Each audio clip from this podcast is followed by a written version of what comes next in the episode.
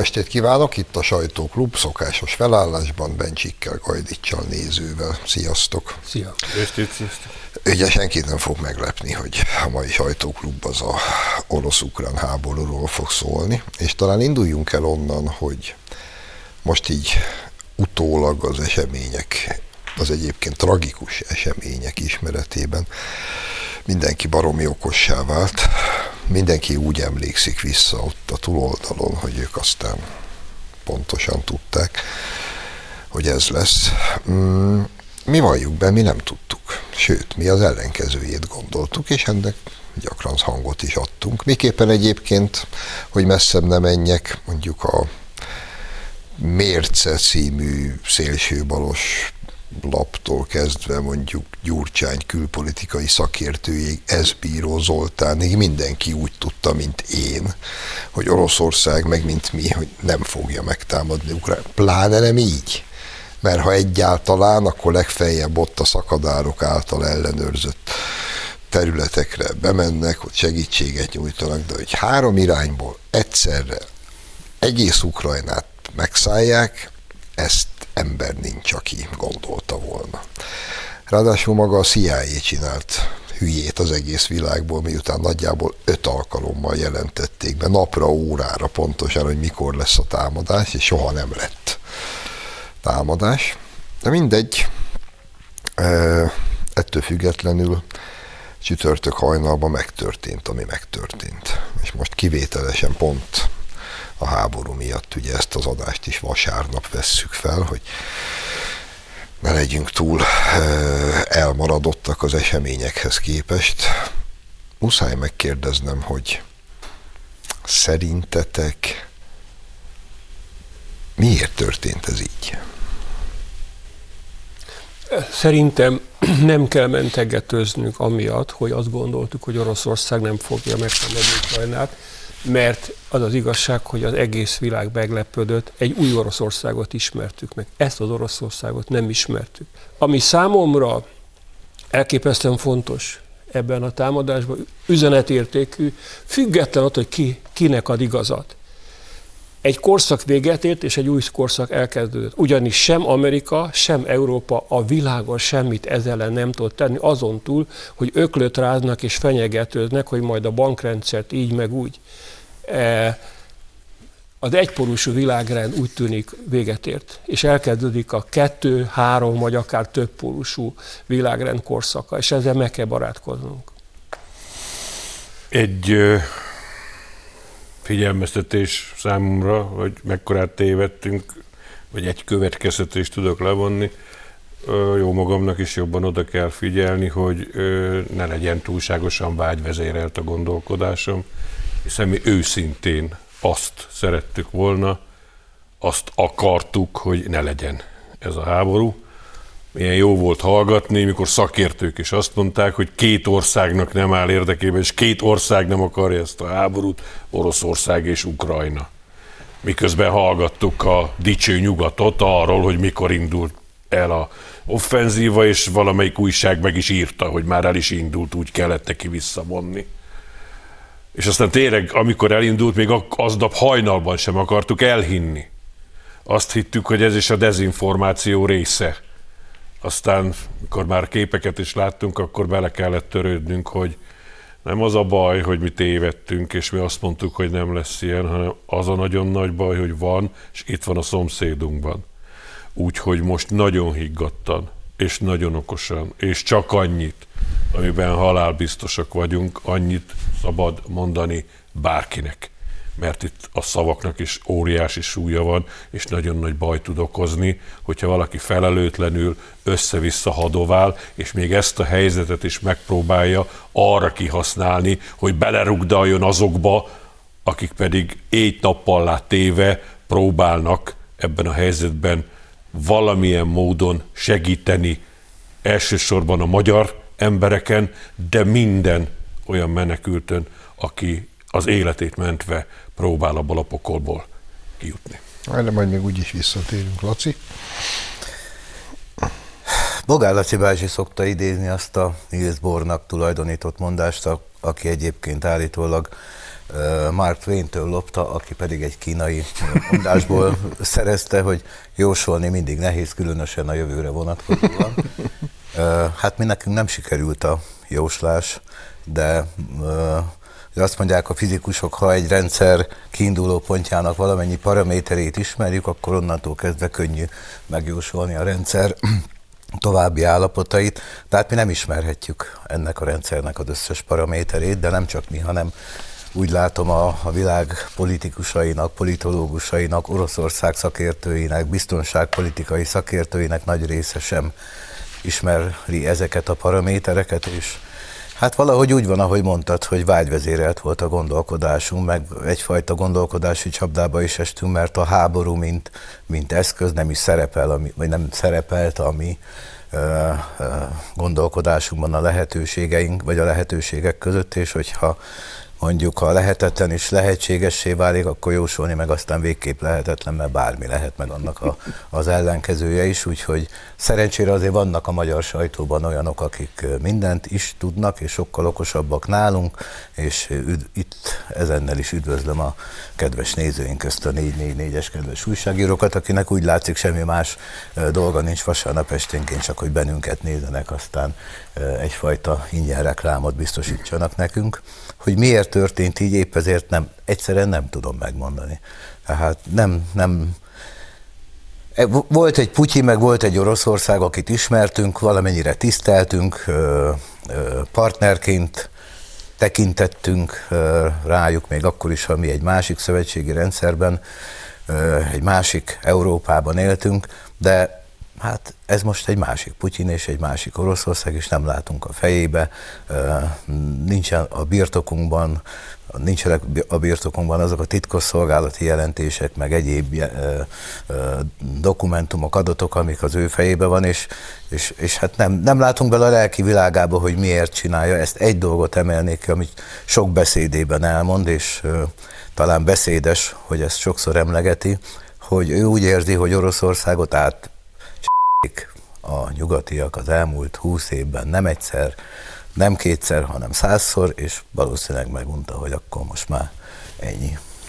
No, akkor ha már fölmerült Putyin neve, akkor javaslom, hogy nézzünk meg egy részletet abból a beszédből, amit csütörtök kora hajnalban mondott el a orosz támadás megindításakor.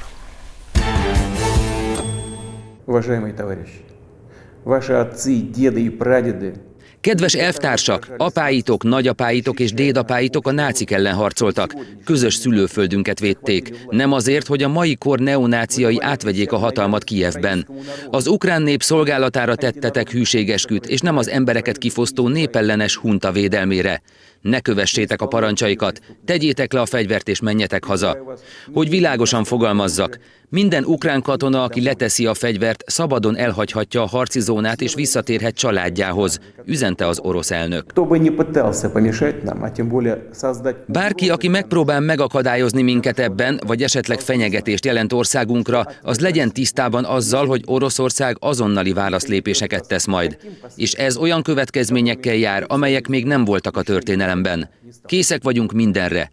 Minden szükséges döntést meghoztunk már, amely ezeket előkészíti.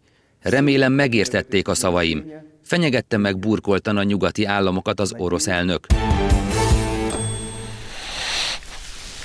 Ugye az én nemzedékem, meg mi nemzedékünk, mi mégiscsak egy olyan országban születtünk, én például 63-ban, vagy 7 évvel azután, hogy a Szovjetunió brutálisan vérbe folytotta a magyar forradalmat, és egész fiatalságomat azzal egy olyan országban töltöttem, ahol megszálló szovjet csapatok állomásoztak veletek együtt. E, hogy is fogalmazzak, nem voltunk nagy barátai a Szovjetuniónak. És e, időnként az kínálkozott az egyetlen kiútnak, hogy majd érettségi vagy diploma után diszidálunk, időnként meg az, hogyha majd csak lesz valahogy, meg tám mégse tart ez örökké, bár sosem fogom elfelejteni apám mondását, aki mindig azt mondta, hogy fiam, ezek innen már soha többet nem mennek el, tehát nyilván a szüleink meg a nagyszüleink még kilátástalanabbnak látták annak idején ezt az egész helyzetet, mint mi. Aztán végül is nem diszidáltunk, Fideszt alapítottunk, elmentek, kezdődött egy új világ, szétesett a Szovjetunió, ki gondolta, édes Istenem, ki gondolta, 88-ban 89-ben kockáztatom meg, hogy a Szovjetunió, mint olyan egyszer majd nem lesz soha többé. És aztán lett egy Oroszország, és ez, a, ezt az egész kis mini visszaemlékezést csak azért gondoltam fontosnak, mert nem tudom ti, hogy vagytok vele. Nyilvánvaló, hogy én mondjuk, amikor hallgatom Putyint, és ezeket a mondatait, azért többé-kevésbé ugye két lelkű vagyok. Mert egyfelől én ismerem, hogy milyen volt a Szovjetunió, és, és tudom, hogy mit jelentett, amikor a Szovjetunió leigázott egy bárkit egyébként. 68-ban a cseheket, mindjárt utánunk, 56 után jöttek a csehek, és a többi. És amikor hallgatom, hogy azt mondja, hogy a neonáci Kijevben, hát ezt ugye ismerjük, mert mind, mindenki neonáci volt a Szovjetunióban, aki éppen nem kommunista volt.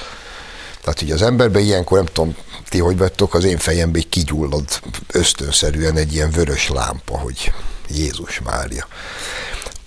Ugyanakkor ugye az ember lelkének a másik fele, hogy azért, ami 14 óta Ukrajnában folyt. És most nem pusztán arról beszélek, hogy az ukránok hogy bánnak és bántak 14-től kezdődően az Ukrajna területén élő minden kisebbséggel. Nyilván az egésznek a hegye elsősorban az oroszok ellen, az orosz kisebbség ellen irányul, de hát ennek a levét megittuk. Mi, az Ukrajnában élő lengyelek, a roma, mindenki. És ez is egy eltagadhatatlan tény, miképpen az is, hogy amit most hevesen tagadnak persze, a nyugat, tehát a 14-es majdani úgynevezett forradalom, ami nem forradalom volt, hanem a CIA egy titkosszolgálati akciója, Victoria Nuland szíves közlése, amiről hangfelvétel is van, amikor elmeséli akkor, mint külügyi államtitkár, hogy 5 milliárd dollárt toltunk bele a majdani forradalomba, köszönjük szépen, kedves Egyesült Államok, hogy utána ott olyan erők nyertek legitimitást nyílt színen, hát egy, Bandera, ez az ukrán főnáci, ha jól emlékszem a nevére, akit most ott rögtön rehabilitáltak, echte, igazi, náci alakulatok, szabad csapatok szerveződtek Ukrajnában, évente felvonultak ezek mögött, az ászlók mögött, sőt a Majdanon az akkori német külügyminiszter, vagy amerikai külügyminiszter Albright asszony egy színpadon állt, virtigli nácikkal, senkit nem zavart miközben a nyugati sajtó éppen akkor tájt arról cikkezett, hogy a Dohány utcában állítólag egy kipát viselő zsidónak valaki azt mondta, hogy hülye zsidó, és itt mindjárt kitör a, ezért viszik a zsidókat Auschwitzba. Az, hogy Ukrajnában mi folyik, a senkit nem érdekel. Tehát magyarul ugye a két lelkűség az, az mégiscsak abból adódik, hogy van egy véscsengő, mert mi ismerjük a Szovjetuniót, ugyanakkor még mégis van egy ukrán helyzet 14 óta és nem, nem tudom eldönteni, hogy Putyin mennyiben ö, túloz vagy hazudik, és mennyiben igaz, amit mond. Innen folytatnám, azt mondod, ismerjük a Szovjetuniót. Ez a baj. Az a baj, hogy a legtöbb emberben él egy kép a Szovjetunióról, ami 30 éve nem létezik. Az a baj, hogy a magyar közszolgálati média sem, a jobboldali sajtó sem, gyakorlatilag senki nem vette a fáradtságot, hogy megmutassa, hogy ma hogyan élnek Oroszországban, hogyan élnek Záhonytól keletre, Oroszországban, Kínában, Vietnámban, Indiában és így tovább. Kizárólag a nyugati orientációról számolunk be, és nyugati mintára gondolkodunk. Pontosan úgy nem orosz, úgy nem azonos Oroszország a volt Szovjetunióval, ahogy a mai Magyarország, Orbán Viktor Magyarországa nagyon nem azonos Kádár János Magyarországával, nem beszél egy Gyurcsány Ferenc Magyarországáról. Olyan mértékben változott meg a világ, hogy ez rendkívül kockázatos, hogy élnek bennünk előítelek, amik azért élnek, azért nem értettük ezt a helyzetet sem, mert egyszerűen nem vagyunk tisztában. Jól mondta Zsolt, hogy át-át üt a vér a kötésen. Ez a majdani pucs, majdantéri pucsról fokról fokra derült ki, hogy valami nagyon sötét, ártalmas dolog volt. Csak egy adatot hadd mondjak, és nem szeretnék én se állásfoglalni, én csak érteni szeretném, hogy mi történik.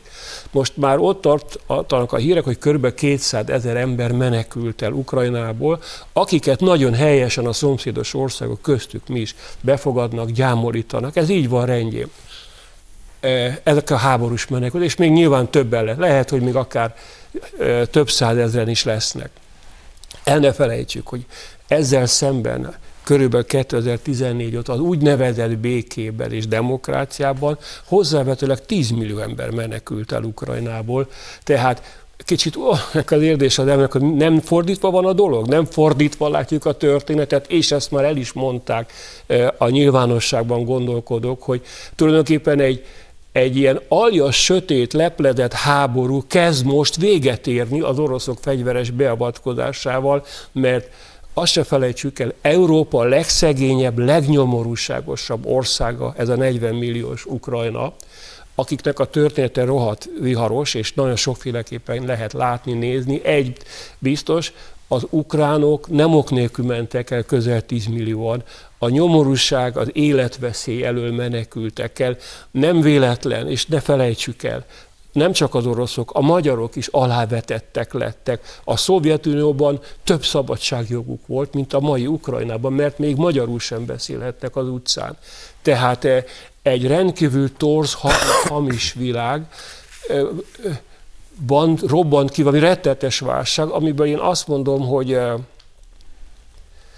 lángbetűkkel kéne kírni minden falu szélén egy nagy táblára, hogy a biztonság mindennél fontosabb. És az, hogy a magyar kormány, a magyar kormányfő világosan értésre adta mindenkinek, hogy Magyarország megvédelmezi a határait, mindenkin segítünk. Nem nézzük meg, hogy magyar vagy orosz, vagy akár ukrán, vagy akár orosz, mert ott oroszok is nagy számban élnek és veszélyben forognak. Mindenkin befogadunk és segítünk, mert ez a küldetésünk és pont, de nem engedjük át a katasztrófát a határainkon. Az a helyzet, drága urak, hogy ti a második rész elején fogtok megnyilvánulni ebben az ügyben, és aztán majd persze szót ejtünk az egész ügynek a belpolitikai vonatkozásairól is. Most egy rövid szünet, és aztán hamarosan folytatjuk.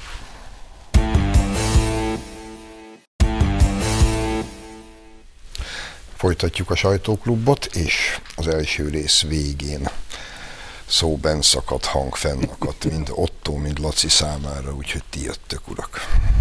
Komolyan veszem a kultúrámat, komolyan veszem a hitemet, akkor semmi másért nem imádkozom mostanság, mint hogy ez minél hamarabb érjen véget. Engem megnyugvással azt tört el, amikor Szijjártó Péter felajánlja Budapestet is, akár ezen tárgyalások lefolytatására, hogy hogy lehet ezt baromi gyorsan abba hagyni. És aztán persze mindig elmúlik a, a bizakodás, amikor hallom, hogy máshol is ajánlottak föl helyszíneket, de sehova nem mentek el tárgyalni, és szabályszerűen szorongással tölt el, amire András az utolsó szavaiban utalt, amikor egyesek még olajat öntenek a tűzre. Nagyon nagy szerencse egyébként, hogy ezt mint egyes országok teszik, és nem pedig mint a NATO és így nem válik kötelezővé mindenki számára ez az őrültség, hogy fegyvert vinni, hogy hagyd lőjék halomra még inkább egymást. Mert hogy a háború olyan, nemrégiben egy okos embertől hallottam, amely ö, teljesen ö, nulla értékű játszma, tehát senki nem nyer, sőt, mindenki veszít. Ö, valakit majd nyilván kihirdetnek győztesnek, de az a helyzet, hogy ebben mindenki veszít, és különösen sokat veszítenek azok az emberek, akiknek a problémáik ezzel nem fognak megoldódni, hogy ott halomra lövik egymást, és elpusztítanak minden értéket, amit eddig összehoztak. Úgyhogy nagyon gyorsan abba kéne hagyni, nagyon gyorsan le kéne jönni tárgyalni, és ezeken a tárgyalásokon talán elhangoznának olyan higgatokos beszédek, amikből mi is egy kicsit közelebb jutnánk ahhoz a kérdéshez is, amit először föltettél, hogy hogy jutottunk idáig, ami nagyon fontos lenne ahhoz, hogy azt is meg tudjuk válaszolni, hogy akkor hogyan tovább, hogy még egyszer ilyen előne forduljon. Lacikám. Hát én itt venném fel a fonalat, és ezzel nem is szeretnék hosszan foglalkozni, mert nyilván a mi nézőink számára fontosabb a következő témánk, ami, ha jól tudom, mindennek a belpolitikai vetülete lesz, hogy azért, én azért gondoltam, hogy nem lesz ebből háború, mert azt gondoltam, hogy Putyin egy realista politikus, aki látja, hogy bármilyen háborúnak nincs nyertese. Persze ki fogják hirdetni, hogy Oroszország megnyerte a háborút, Kijevet elfoglalta, mit tudom én, és utána mi lesz? Há, ez az. Szóval 5-10 év múlva mi lesz? 56-ban leverték véresen a magyar forradalmat az orosz tankok, a szovjet tankok, de soha nem győzték le Magyarországot. Ukrajnát van olyan vélemény, most hozza létre valójában Putyin. Az ukrán nemzet most születik meg ebben a, ebben a háborúban, mert eddig hát sokak szerint nem is volt olyan, hogy ukrán nemzet. Most már lesz. Mi lesz? Tehát biztos megnyeri Putyin ezt a háborút, de mi, mi, mi, mi fog történni Oroszországgal, Ukrajnával, mi fog történni az egész világunkkal? Egyszerűen olyan pillanatához értünk szerintem az emberi történelemnek, legalábbis a mi életünkben, ami, amit nem sejtettünk, nem, nem vágytunk rá természetesen, és fogalmunk sincs, hogy mi lesz ezek után. Ilyen fura dolog ez, a, ez az ukrán nemzet, és biztos, hogy a, az ukrán nemzet születéséhez fontos lesz ez a mostani orosz támadás, bár szerintem egyszer már ezen túlestek a szovjet időkben az ukránok, csak úgy, mint mi. Hát ugye a holomodor, amikor Stálin egy mesterséges éhínséggel tényleg ukránok millióit küldött az éhhalálba, gyerekestül, csecsemőstül, asszonyostól, zárójelbe jegyzem meg a holomodornak a puszta tényét, szeretve tisztelt baloldali politikusok, történészek és minden egyebek még múlt héten is tagadták, aztán most már nagyon szeretik emlegetni nyilván, zárójelbe zárva. Amúgy pedig én azért vagyok egy kicsit bizakodó a tárgyalásokat illetően, mert ha, bár most már nyilván az ember mindent feltételes módban mond, de mind az ukrán elnök, mind az orosz elnök már két napja közölte, hogy hajlandóak egymással tárgyalni. Sőt, ami szerintem a legfontosabb, hogy az ukrán elnök azt is bejelentette már, ha hinni lehet a híreknek, hogy hajlandó Putyinnal tárgyalni Ukrajna semlegességéről. Ne feledjük, szerintem az egésznek a lényege itt található. És azt is bejelentették, és ez érthető, hogy az ukrán elnök nem megy el Minskbe, mélyen megértem, Putyin nem fog elmenni Varsóba, ezt is mélyen megértem, és most ott tartunk, hogy azt mondta az ukrán elnök, hogy neki Budapest és Varsó jön szóba. Most, ha mind a ketten tárgyalni akarnak, akkor nem csak a formál logika szerint Budapest marad. Ami egyébként egy elképesztően fontos és nagyszerű dolog lenne, hogyha Budapesten megköttetne itt végre valamiféle béke és megállapodás, és ennek vége lenne, mert eh, az, hogy egy háború zajlik, és emberek és civilek és gyerekek halnak meg, de hozzáteszem, hogy katonák halnak meg, nincs éppen mélyű ember, aki ezt igenelné, vagy ennek tapsikolna. És akkor nézzük ennek az egésznek a belpolitikai részét, ami szerintem szintén igencsak tanulságos, és kezdésnek talán nézzük meg egy rövid részletet a magyar miniszterelnök mondataiból, amit a keleti határszélen mondott. Ez itt Magyarország keleti határvidéke, tegnap még Brüsszelben tárgyaltam, ma pedig eh, reggel ellenőrzést tartottam. Megnéztem a katonáinkat és megnéztem a rendőreinket.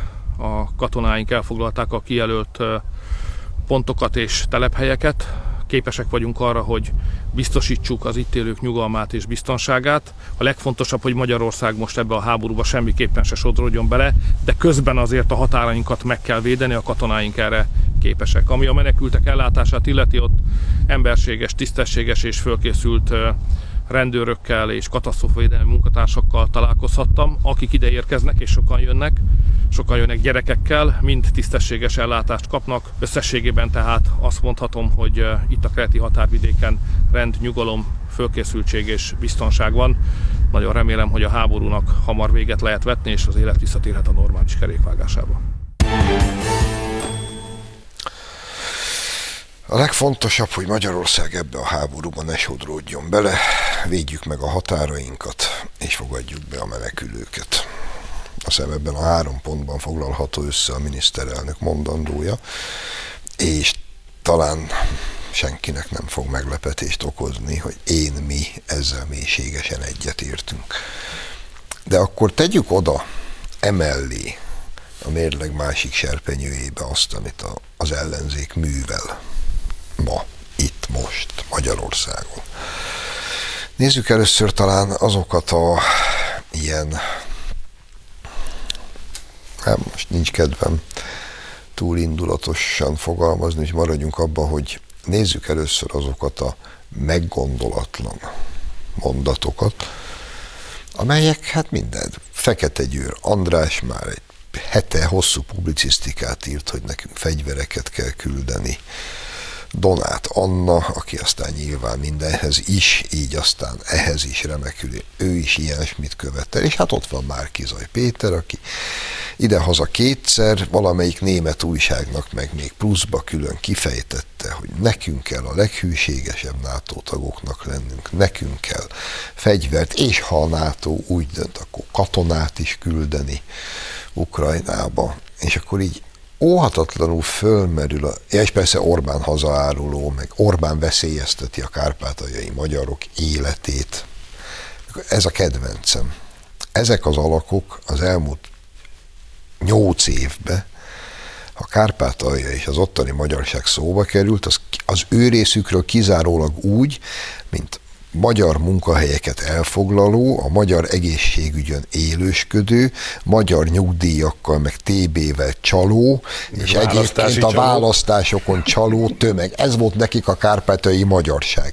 Most igazi krokodil könnyeket hullatva a kárpátai magyarokért olyan felelősséget kezdtek el érezni, hogy mindjárt megbolondulok.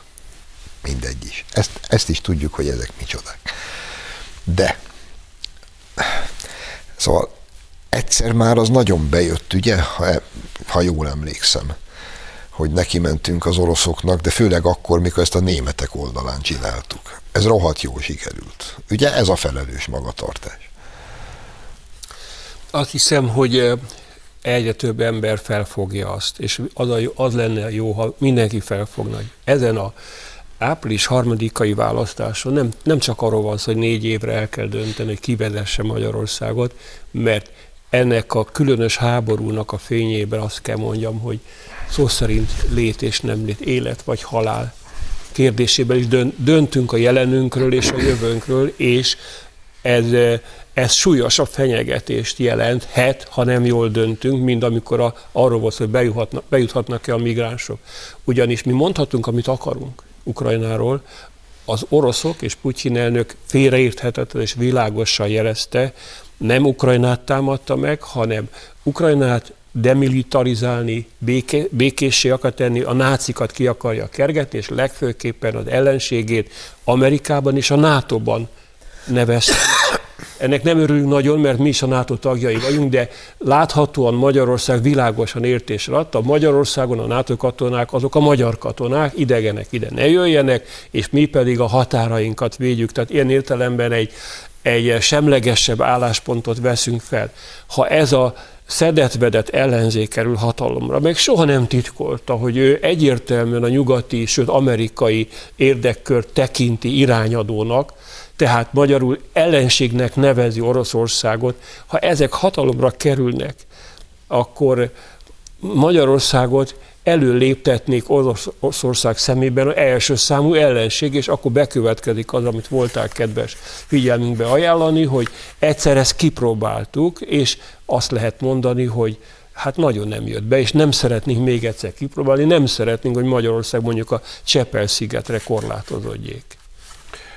Fekete Győr szerintem, hogyha hat kötelezettség lenne és felmentést kapna, életébe nem hallott még puskaropogást, úgyhogy ő valószínűleg teljesen felelőtlenül és mindenféle empirikus tapasztalat nélkül ugat arról, hogy hova kell fegyvert meg katonát küldeni, úgyhogy őt nem kell komolyan venni. Sokkal rosszabb a helyzet Márki Zajjal, aki ugye miniszterelnök akar lenni ebben az országban, és egyszerűen nem fogja föl halvány, lila lövése sincsen arról, hogy mi a magyar érdek. El nem tudja képzelni, ő csak a szövetségeseknek a utasításainak a végrehajtását képes fölfogni, és azt tudja magának programként megfogalmazni. De nem komoly, amit most mondok, de gond, ők gondolkodjanak el azon, hogy akkor azt a listát, amit most összeállítottak, ami az úgynevezett összefogott ellenzéknek a listája, hogyha kell katonát küldeni az oroszok ellen Ukrajnába, hajrá, legyenek, ők az, jó legyenek ők az előőrs. De úgy egyébként, té, ezt tényleg csak humorként mondtam, a helyzet az, hogy aki nem fogja föl, hogy mi a különbség abban, hogy a béketárgyalásoknak helyszínt keresünk, hogy befogadjuk az összes menekültet, és tisztességes ellátásban részesítjük őket, hogy adott esetben gyógyszert, kötszert, meg nem tudom micsodát, tartós élelmiszert juttatunk el a sokat szenvedett térségekbe. E között, meg a között, hogy fegyvert katonát küldeni, az nem alkalmas anyagából fogva nem alkalmas arra, hogy országot vezessen, úgyhogy nagyon jó lenne, hogyha az az ember, akiben ez még mindig nem állt össze, baromi gyorsan magába nézne, visszavonulna, és nem kínozná ezt a szegény magyar népet azzal, hogy ő akar a vezetőjük lenni. Mert abból, ahogy András fogalmazott, elképesztő, fölfoghatatlan tragédia keletkezne, ha mindezt a hülyeséget, amit csak most elkövetett, mert volt egy agyalágyult elemzőjük, amelyik azt mondta, hogy ha, most megfordítható a választási hangulat, mert mindenki úgy tartja, hogy Orbán Putyin barát, most meg a barátja miket művel, tehát most kell neki esni. Az egész erről szól. Mit érdekli őket a ukránoknak a sorsa, meg a, meg a kárpátaljai magyaroknak a sorsa? Hát el ne higgyük már. Ők most vérszemet kaptak. Azt hiszik, hogy most nyerik meg a áprilisi választást, mert most majd rátolják a, a, az Orbán Viktorra, meg a kormányára az összes eddigi tárgyalását Putyinnal, és akkor majd ők jönnek, és megmondják, na ugye mi megmondtuk. Nem normálisak, hogy ezt a helyzetet is csak ebből a szempontból, és csak így tudják felfogni és kezelni. Ezek mind a puszta létezésük árt ennek az országnak. Megmondom őszintén, amikor kitört a háború, utána nem voltak olyan pillanataim, amikor azt gondoltam, hogy most ez egy olyan helyzet, amikor össze kéne fogni az ellenzéknek a kormányjal, és valami ö, közöset lépni Magyarország érdekében. Nem sokáig tartott, ez a ideális állapotom. Nem tudsz a vágyvezéret gondolkodni. Megláttam a, a, az ellenzéki politikusok nyilatkozatait, Facebook bejegyzéseit és egyebeket, és azt gondoltam, hogy ezekkel nem lehet és nem szabad tárgyalni. Ez Így ügyben sem. Nézzétek, a Márki Zaj azzal kezdte, hogy Orbán robbantotta ki gyakorlatilag a háború. Ugye Orbán nem tárgyalni ment, nem a békére. Nem előkészített. Nem előkészít. Itt az ember ilyenkor mi... már úgy szétnéz, hogy hol, hol is vagyunk. És, és Orbán, a, a Orbán ment előkészíteni, a Macron beterelte a célegyenesbe, és a hogy hívják a német? Olaf Scholz. Scholz meg rámondta az áment. Akkor ez nyilván így történt. És aztán jött a többi sorba, a Donát, Katalin, a Csekk Kati, a, a Fekete Anna, hát Anna, vigyázz, mert megsértő. Mind, nem tudom, azért, be, belém. Azért, mert Secko Ez így van. És azt gondoltam, hogy még egyszer mondom, ezekkel nem szabad és nem is lehet ilyesmiről tárgyalni, de az igazi, az igazi ö, megvilágosodásom tegnap történt, amikor ö, mazohizmusból meghallgattam Márkizaj és Gulyás Marci beszélgetését. Remek volt. És azt gondoltam, hogy Márkizaj Péter egy buta, gyáva, hazug szar alak. Bocsánat a Köszönöm. kifejezést. Mintha magam mondtam Buta, volna. mert olyasmiket mond, hogy am- amit aki csak egy picit is ért a politikához, nem ejt ki a száján. És csak egyet mondjak, hogy tiltsuk ki Magyarország légteréből is az orosz repülőket, mert akkor nem tudnak majd innen menni bombázni.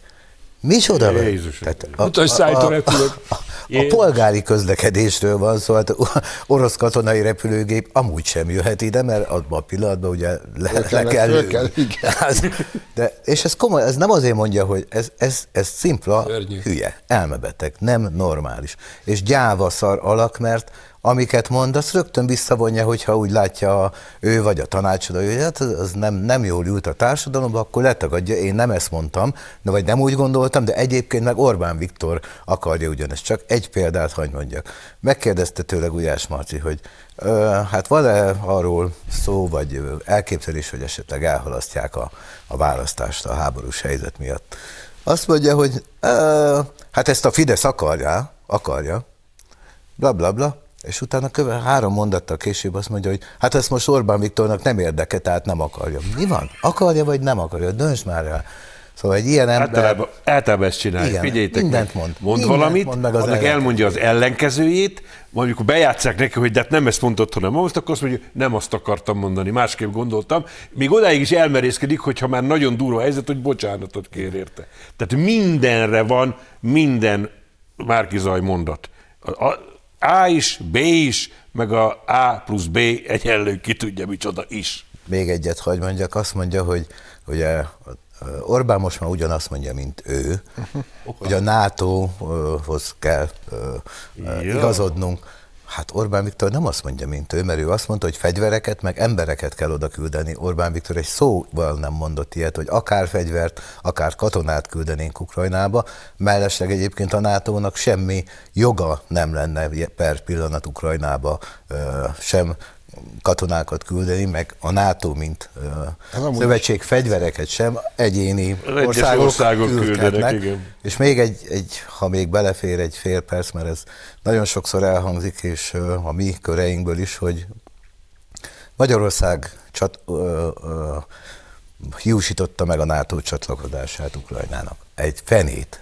Egy fenét. Ukrajna olyan messze van most is a NATO csatlakozástól, mi mindazokat az előmechanizmusokat blokkoljuk időnként, ami a NATO csatlakozás felé vezető út, de hát a Ukrajna olyan messze volt, nem a háború miatt, hanem a, egyébként is a NATO csatlakozástól, mint Makó Hát József. teljes- Egyébként meg Merkel hiúsította meg már 2000, nem is tudom mikor. Azt mondom, hogy 18 tőlünk teljesen függetlenül kimondatott, hogy a nyelvtörvényel, majd az oktatási törvényel egész egyszerűen megszekték ennek a csatlakozási folyamatnak az előírását. Meg egy, egy háborúban álló országot nem vesznek fel. Hát mióta Krímben, a Kelet-Ukrajnában háborúban álló Oroszországgal gyakorlatilag. Ez, tehát Eleve nem vehetik föl, mert háborúban áll.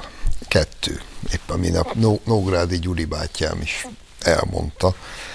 A németek voltak a legelsők, akik azonnal bejelentetik, hogy nem, soha. És a szó nem lehet róla. És ennek nyilván most egy másik adást elkezdenénk, akkor elemezhetnénk, hogy a németek miért csinálták azt, amit csinálták. Amit most csinálnak, na az már sokkal érdekesebb, hogy most hirtelen már fegyvereket küldenek, múlt héten még sisakokat küldtek, ma már fegyvereket. Most kezd kiderülni, hogy miért is kellett egyenest a CIA-tól egy külügyminisztériumi államtitkárt importálni Németországba ebbe a FOS koalícióba, mert hogy ugye, hát egy amerikai állampolgár, a külügyi államtitkáruk, ugye, ugye? Ezzel még csak röhögtünk, most már kezdjük sejteni, hogy miért van ez így azért, amit Bogár Laci bátyám szokott mondani. Mert az amerikai birodalomnak az az érdeke, hogy Európát és az oroszokat belehajszolja egy véget nem érő háborús dagonyába és mocsárba. Ezért. És jó lenne, hogyha ezt mindkét fél felismerné, és marha gyorsan abba hagynánk. Köszönöm, hogy itt voltatok. Önöknek köszönjük a megtisztelő figyelmet. Jövő héten a szokott időben várjuk Önöket. Viszontlátásra!